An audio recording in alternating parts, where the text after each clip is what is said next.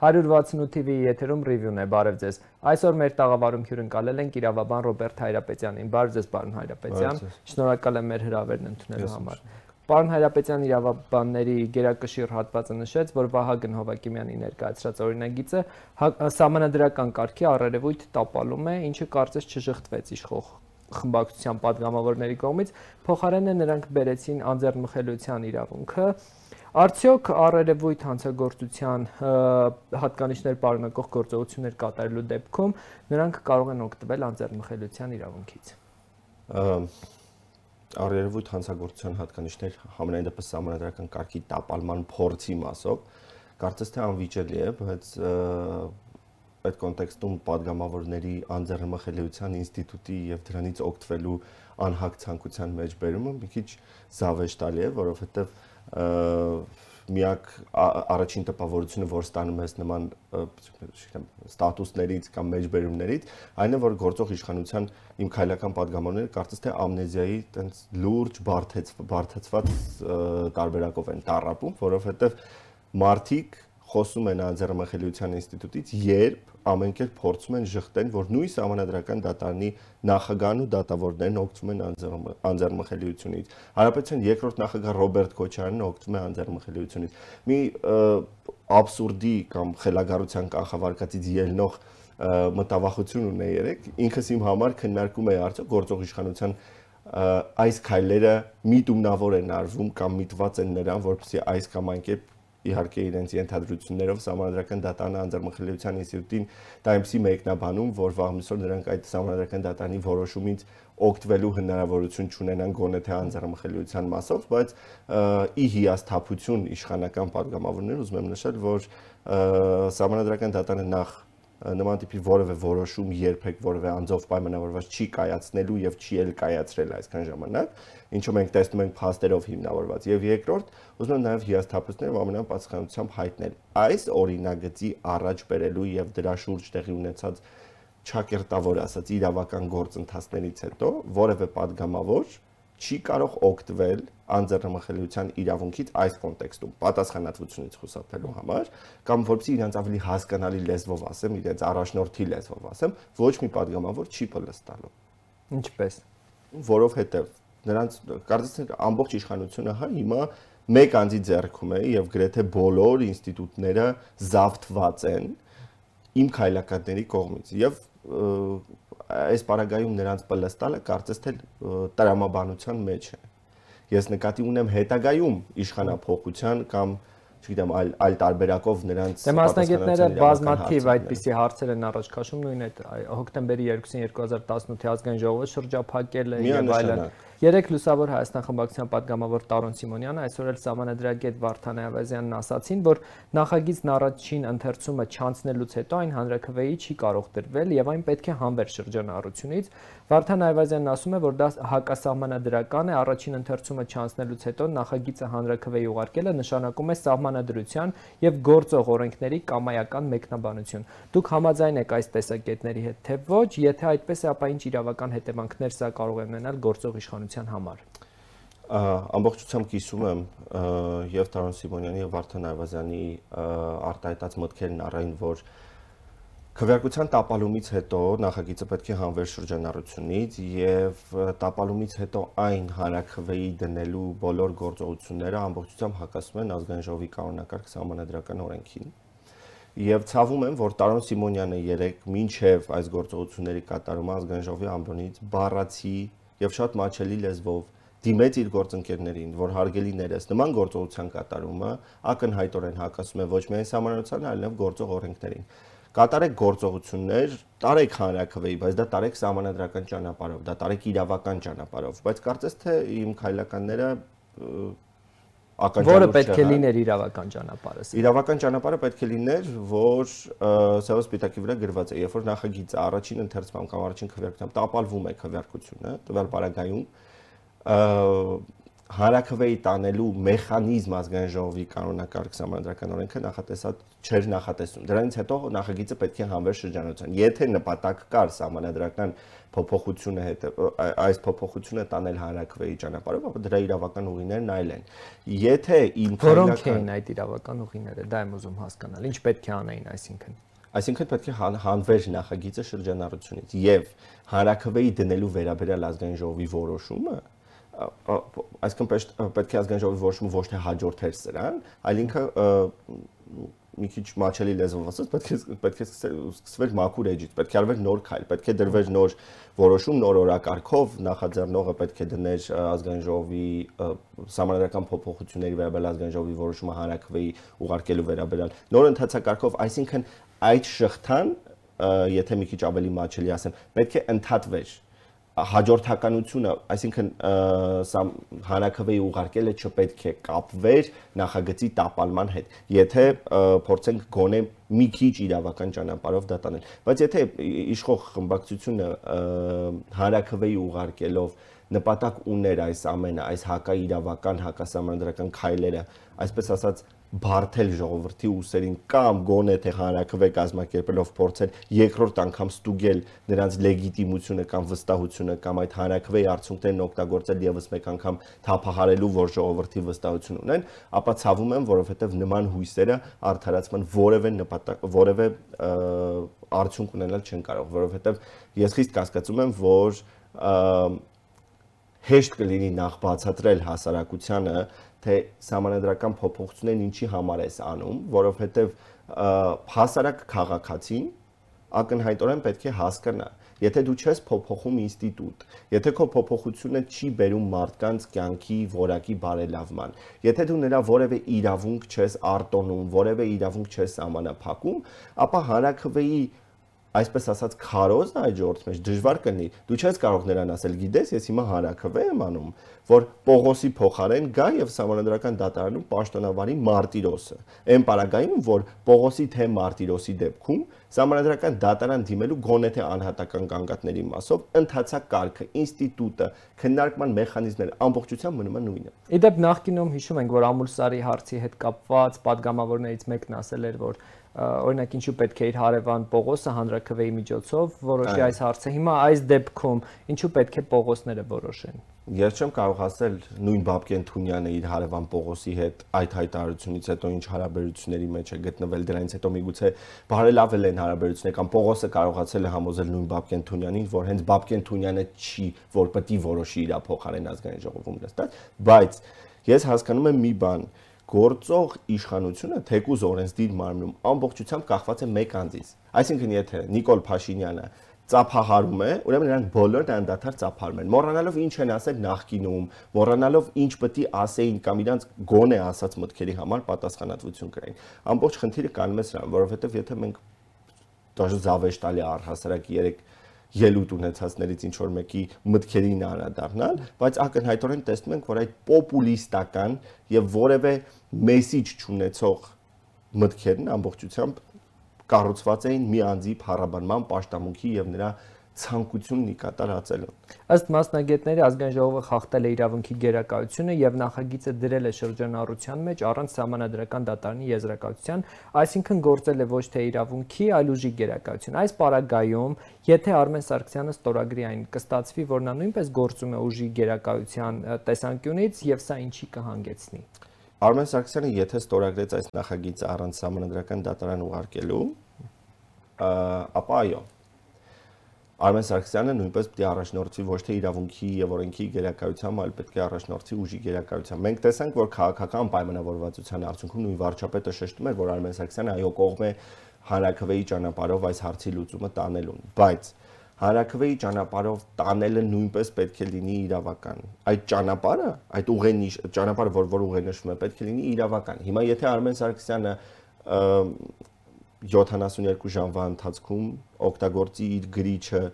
այդ օրենքը վավերացնելու, այլ ոչ թե համանadrական դատարան ուղարկվող նամակը ստորագրելու համար, ես կարծում եմ, որ վաղ միսօր իրավական հարցության մեջ նույն Արմեն Սարգսյանը կարող է ունենալ խնդիրներ։ Իսկ այս պահին Արմեն Սարգսյանը ինչ պետք է անի։ Այս պահին Արմեն Սարգսյանը այդ նախագիծը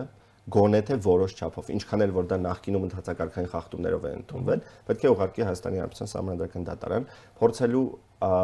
համար, то есть ավելի շուտ հասկանալու այդ նախագծի համանadrականությունը։ Ես իհարկե հասկանում եմ, որ սա ամբողջությամբ խելագարության կանխավարկածով առաջնորդվող գործընթաց է, որովհետև ուղարկել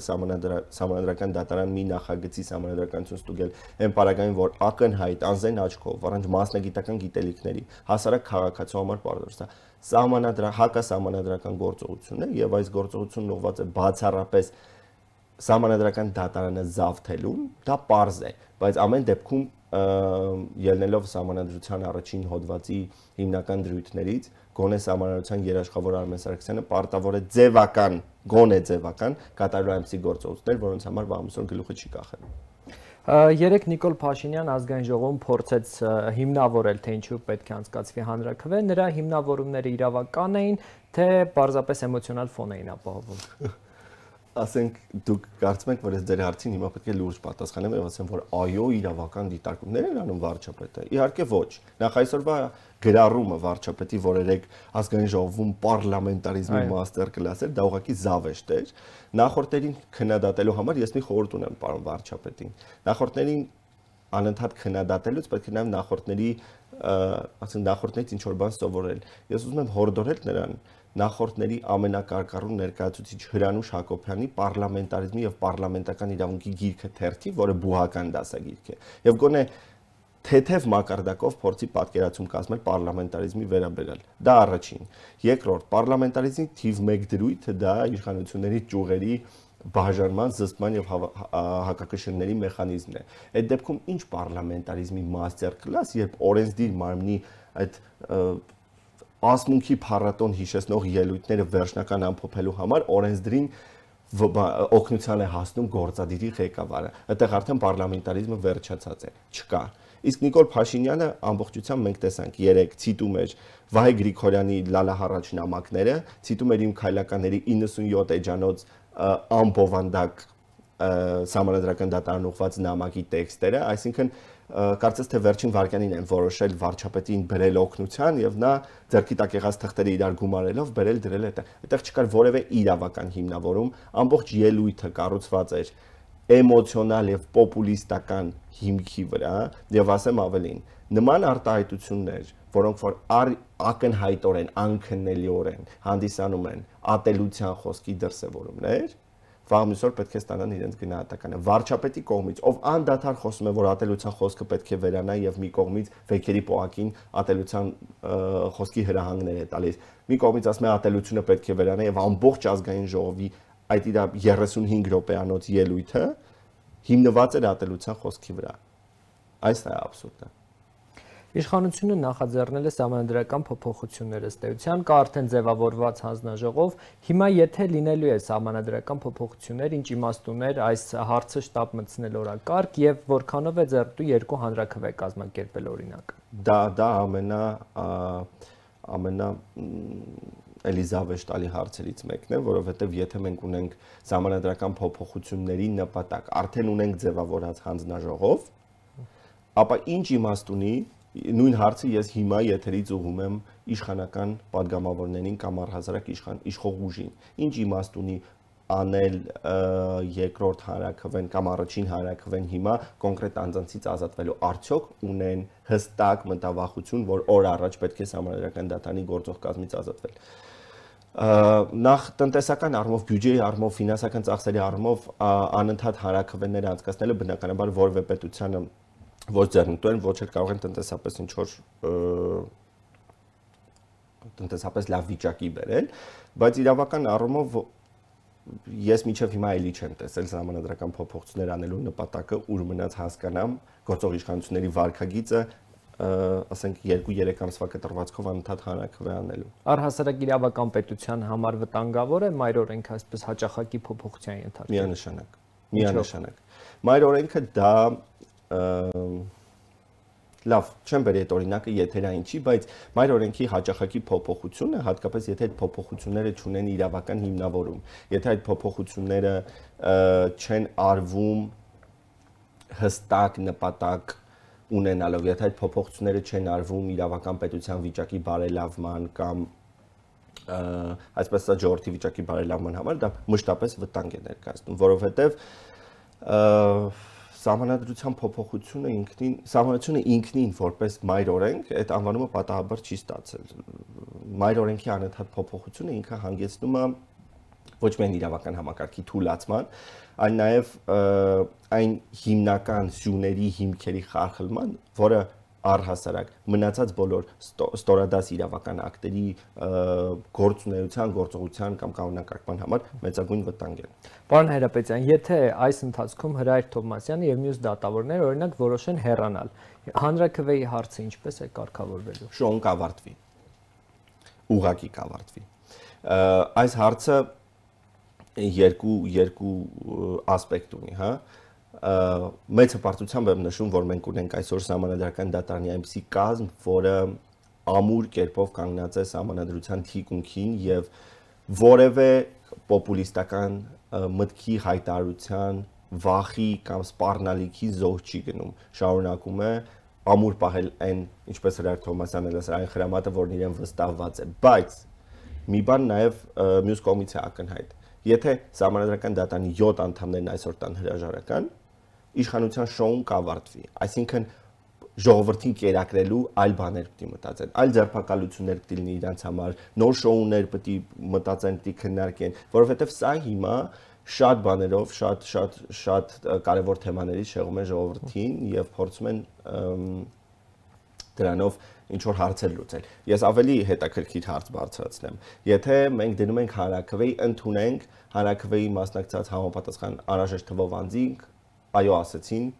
համանդրական այս փոփոխություններին։ Ես օրինակ որպես շահագրգիռ կողմ հետագայում ուզում եմ վիճարկեմ համանդրական այս փոփոխությունների հանրակրվեն, որտեղ եմ դիմելու։ Եթե դու հիմա այս հանրակրվեով համանդրական դատարան ես փորձում ազատագրես, թոթափես եւ ել չեմ ասում որ դու ճունես հստակ ժամկետներ նախանշված թե ովքեր պետք է գան երբ պետք է գան եւ այլն հիմա ըստ ձեզ եթե համանadrական փոփոխությունների արդյունքում ժողովրդի չնայած խիստ կասկածում եմ ստվար զանգվածը այո ասեց համանadrական դատարանի դատավորներից այսպես ասած ազատագրվելու նախագծին հետո այդ նույն մի 10 օր հետո ազատագրվող դատավորները պետք է քննարկեն այդ հանրակրվեի համանadrականությունը տարբեր միջազգային կառույցներ այս օրերին արձագանքում են այդ միջազգային կառույցները որոնք նաև ժողովրդավարության, իրավական գործունեության վերահսկման դեր ունեն, ինչ գործուն քայլեր կարող են կատարել եւ Հայաստանի համար դա ինչ հետևանքներ կարող է ունենալ։ Միջազգային կառույցները մինչև այսօր իրենց, այսպես ասած, զսպող օղակները կիրառել են հայտարարության մակարդակով եւ մենք ըստ էության որևէ գործուն ազդեցություն դեռ չենք տեսնում բայց տարբեր պատժամիջոցներ միջազգային կառույցները ոչ միայն Վենետիկի հանձնաժողովը, այլ նաև մարդու իրավունքների ոլորտում գործնեություն ցավալող կամ ժողովրդավարության ապահովման ոլորտում գործնեություն ցավալող մի շարք միջազգային կառույցներ գործուն քայլեր կարող են կատարել, որ որ պետության վրա էական էական ազդեցություն կարող են ունենալ։ Մի կարևոր շեշտադրում եմ ուղղակի ուզում այս ամեն ինչի շուրջ կատարել, որ անկախ նրանից գործուն քայլերը կամ այդ մեխանիզմները կկիրառվեն թե չեն կիրառվի հայտարարությունները կլինեն մեկ օր երկու օր բարբերականությամբ թե կլինեն մեկ շաբաթվա բարբերությամբ մի կարևոր բան կա. Երկրի միջազգային վարկանիշը ոչ միայն հայտարարությունների այլ նաև գործողությունների արդյունքում այլ առհասարակ գնալով միջազգային ասպարեզում, միջազգային հարության շրջանում գնալով անկում է։ Դա դուք եք այդպես ասում, իշխող խմբակցության падգամավորն ասում է, որ ամբողջ աշխարհը հիանում է իրենցով։ Գիտեք, ձեր տաղավարում ֆանտաստիկ մտքեր են հնչում, որոնք որ իրականում կասկածամտություն են բանակած մարդու մարդու մոտ փորձում առաջացնել խելագարը ինքն է, թե այն մարդը, ում ասենք հարցազրույցն ալեսում է։ Երեք, ասենք, մեկնաբանելու չի, ում պետք է մեկնաբանես, չի բուրաշկայի շորերով, օպերայի դիմաց ինչ որ լարահարաճ բաներ անելուց հետո падգամավորի մանդատ ստացած մարդուն մեկնաբանեմ բարձրագույն կրթություն չունեցող անձին որպես զեկուցող նշանակել եւ դասագիրքը այն դպրոցներում կա չէ տենց հայտնի որ ասում են գրատախտակի մոտարի կամ ամբյոնի մոտարի ասում է դասին պատրաստ չեմ մի անգամ կարդացել եմ Վահագն Հովակիմյանը տիպիկ նկարագրում էր այդ այն միջակ աշակերտի կերպարը։ Դա ուղղակի խայտարակություն էր։ Ես երեք ազգային ժողովի ամբողջ ընթացքը սկսած առաջին վարկյանից մինչև վերջին վարկյան լսել եմ եւ ելույթներն ուղղակի աբսուրդի գագաթնակետն էին։ Արդյոք իշխող խմբակցության падգամավորների եւ երկրի վարչապետի այսպիսի գործելավոճը կարելի է համարել դատական իշխանության գործունեությանը ոչ իրավաչափ միջամտություն։ Իհարկե, միանշանակ։ Սա ոչ միայն դատական իշխանության նկատմամբ ոչ իրավաչափ միջամտություն է, այլ նաև սա սահմանադրության սահմանադրության ուղակի միջամտություն է, խեղում է իրավական պետության հիմքերը ոնց որ ինչ որ ծանր գործիքով ինչ որ շենքի ֆունդամենտին անընդհատ հարվածես եւ հետո աղոթես, որ այդ շենքը շարունակի մնալ կայուն։ Սա իշխանության գործողության, այսպես ասած, պատկերավոր նկարագրությունն է։ Երբ տարբեր պաշտոնյաներ ամենատարբեր ամբիոններից համանդրական դատային դատավորներին անվանում են հանցագործ, մեղադրում են հակաիրավական վարկագծի մեջ, բայց այդպես էլ չեն ներկայացնում կոնկրետ փաստեր, հիմքեր։ Ինչու նման հայտարարությունները հետևանք չեն ունենում, մնում են անհետևանք գիտեք իշխանության նախ այո հանցագործ եւ բազմաթիվ այլ պիտակ պիտակավորումներ եւ որակումներ ամենատարբեր մակարդակով սկսած վարչապետից մենք բարբերաբար լսում ենք ոչ միայն համանadrական դատանի դատավորներ այլ նաեւ շատ այլ անձանց նկատմամբ երբ կունենան որևէ փաստ որ օրինական ուժի մեջ մտած մեղադրական վերջնական դատական ակտ կա համանadrական դատարանի որևէ դատավորի նկատմամբ նոր նրանք իրավունք կունենան հայտար անել նման հայտարարություններ։ Նախ մարդու իրավունքների եվրոպական դատարանի պրակտիկան այդ թեմայի շրջանակներում ելնում է այն մտքից, այն հիմքից, այն վարկածից, որ ամեղության կանխավարկածը կարող է խախտվել բացառապես պետական պաշտոնատար անձանց կողմից։ Այսինքն նման կերպով Նիկոլ Փաշինյանի հայտարարությունները անընդհատ հանցագործ, անուն Ալեն Սիմոնյանի հայտարարությունները դրանք ամեղության կանխավարկածի կլասիկ խախտում են։ Եվ վաղ թե ուշ միջազգային դատականացներում դրանք դրանք ստանալու են իրենց գնահատականը։ Այսինքն այդ դատավորները կամ այն անձիկ, որոնց մեղադրում են, հիմա չեն կարող իրավական գործընթացներ սկսել։ Կարող են, Ինչու՞ ըստ էության կարող են։ Ինչու չեն սկսում, չեմ կարող ասել, բայց կարող են եւ ես եւս մեկ անգամ ուզում եմ նշել, որ պատիվ եմ ունեցել լինելու համարական դատանի դատավորների մեծամասնության գործող կազմի մեծամասնության ուսանողը եւ այն մարդկային եւ իրավական որակները, որոնք որ նրանք սերմանել են մեր մեջ, ինձ մեծապես վստահություն եւ հույս են տալիս, որ այդ մարդիկ ոչ միայն սեփական մասնագիտական արժանապատվությունը, այլ նաև պետության դեմ ցանկացած ոտնձգություն իրավական ճանապարհով եւ իրավական հարթության մեջ լուծման են տանելու։ Նախագահ Արմեն Սարգսյանը չի ստորագրել Հայաստանի Հանրապետության քրեական դատավարության օրենսգրքում փոփոխություններ եւ լրացումներ կատարելու մասին եւ բանկային գաղտնիքի մասին օրենքներում լրացումներ կատարելու մասին։ Օրենքները դիմելով համանadrական դատարան դրանց համանadrությանը համապատասխանությունը ստուգելու խնդրանքով Հիմա սա չի նշանակում, որ չունենք համանadrական դատարանի ճգնաժամ, եթե երկրի նախագահն էլ է դիմում հենց համանadrական դատարանին։ Գիտեք, այդ հարցի հացիատերը ես չեմ, որովհետև ես միշտ եմ պնդել, որ համանadrական դատարանում չկա ճգնաժամ, եւ դա անվիճելի է։ Համանadrական դատարանի միակ ճգնաժամը դա իմ քայլի կողմից համանadrական դատարան փոխպատվաստված կամ ներդրված Վահե Գրիգորյանն է։ Ուրիշ ճգնաժամ համանadrական դատարանում չկա։ Իսկ Արմեն Սարգսյանի գործողությունները մի կողմից ողջունելի են, որովհետև այո, եթե հիմնավոր կարծիք կամ հիմնավոր կասկած ունեն ունի երկրի նախագահը, որ գործող կամ իրեն ստորագրման ներկայացված օրինագիծը, օրենքը, նախագիծը համանդրականության խնդիր կա, ապա նա այո պետք է դիմի համանդրական դատարան։ Բայց մյուս կողմից ես կարծում եմ Արմեն Սարգսյանը իրեն ուղղակի ապահովագրում է։ Ընդհանրապես դա ապահովագրում է, որպեսզի վաղը մյուս օր քարը նետված մնաս համանadrական դատարանի դաշտում կամ իշխող խմբակցության դաշտում։ Խնդիրը այսքանն է, բայց Արմեն Սարգսյանի համանadrական դատարան որևէ օրենք ուղարկելով չէ որ պետք է չափվի համանadrական դատարանում արկա կամ բացակա ճգնաժամը, որովհետև որևէ անց այսքան ժամանակ ոչ միայն իշխանության կողմից, այլ որևէ մեկը հասարակ Facebook-ում լայվով ինչ որ մեկը, ես չեմ լսել, որ բողոքի, որ դիմել է Հայաստանի Հանրապետության սահմանադրական դատարան եւ սահմանադրական դատարանը անհարկի ձգձգել է, չի քնել, չգիտեմ, ոչ իր իր քիմքին հավասար։ Այսինքն սա արեստական ներմուծված օրակարգ է, որ սահմանադրական դատարանում կա ճգնաժամ։ Դա քննարկել է, դա արեստական ներմուծված օրակարգ է, որովհետև կարծես թե կամ Նիկոլ Փաշինյանի հետ Գյումրիից Երևան եւս 7 հոգի են քայլել, որոնց չեն կարողանում գործի տեղավորել եւ այդ քայլածների հիմնական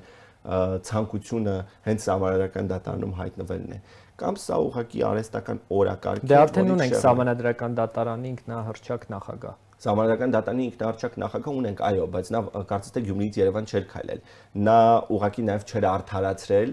Նիկոլ Փաշինյանի հույսերը, ես կարծում եմ, որովհետև երբ որ Վահե Գրիգորյանին ներդրեցին սահմանադրական դատարանում, կարծես թե խոստումներն այլն էին, որ նա կգնա, կդզի ամեն ինչ կանի, բայց ոչ։ Նա ոչինչ չի անում, նա նիստերին անգամ չի մասնակցում։ Եվ հիմա Նիկոլ Փաշինյանը կարծես թե եւս 7 Վահե Գրիգորյան է փորձում ներդնել համարական դատարանում, որպեսզի հասնի այն նպատակներին, որին որ ցանկանում է, բայց սա անիմաստ է, որովհետեւ հիմիկվա գործողություններն ինչքան էլ որ դա ներքուստ բավարարվածություն հաղորդեն ոչ միայն Նիկոլ Փաշինյանին, այլ նրա 88 հոկանոց բանակին, վաղամիսօր այնպեսի հակադարձված հարված են ստանալու, որ տարիներ պետք կլինի, որ այդ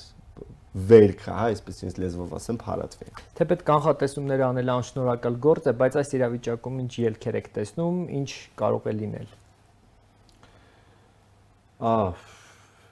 էլի պետք է կրկնվեմ, որ այս իշխանության գործողությունները ելնում են բացառապես խելագարության կանխավարկածից։ Ես դեռ խելագարված չեմ, որովհետեւ որոշակի դիտարկումներ անեմ նրանց գործողության ապագա գործողությունների կամ դրանց արդյունքների վերաբերյալ, բայց մի բան հստակ է, եթե իշխանությունը այս նախագիծը հանրակրվեի տանելով նպատակ ունի եւս մեկ անգամ անձանց կամ մնացած կամ առանցիկ միջազգային հանրությանը ապացուցելու որ նա ունի վստահության քվե, ապա ես կասկած չունեմ, որ իշխանության այդ հույսերը չեն արդարանալու։ Մոտավորապես 650 հազար ձայն է կարծես թե անհրաժեշտ, ըստ դες կստանա այդքան ձայն այս իշխանությունը հիմա թե ոչ։ Այս իշխանությունը այդքան ձայն վստահաբար չի ստանա։ Վստահաբար չի ստանա։ Շնորհակալ եմ զրույցի համար։ Ես եմ շնորհակալ։ 168 TV-ի եթերում ռիվյուներ։ Հիշեցնեմ, որ մենք զրուցում ենք իրավաբան Ռոբերտ Հայրապետյանի հետ։ Հետևեք մեր հետագա թողարկումներին։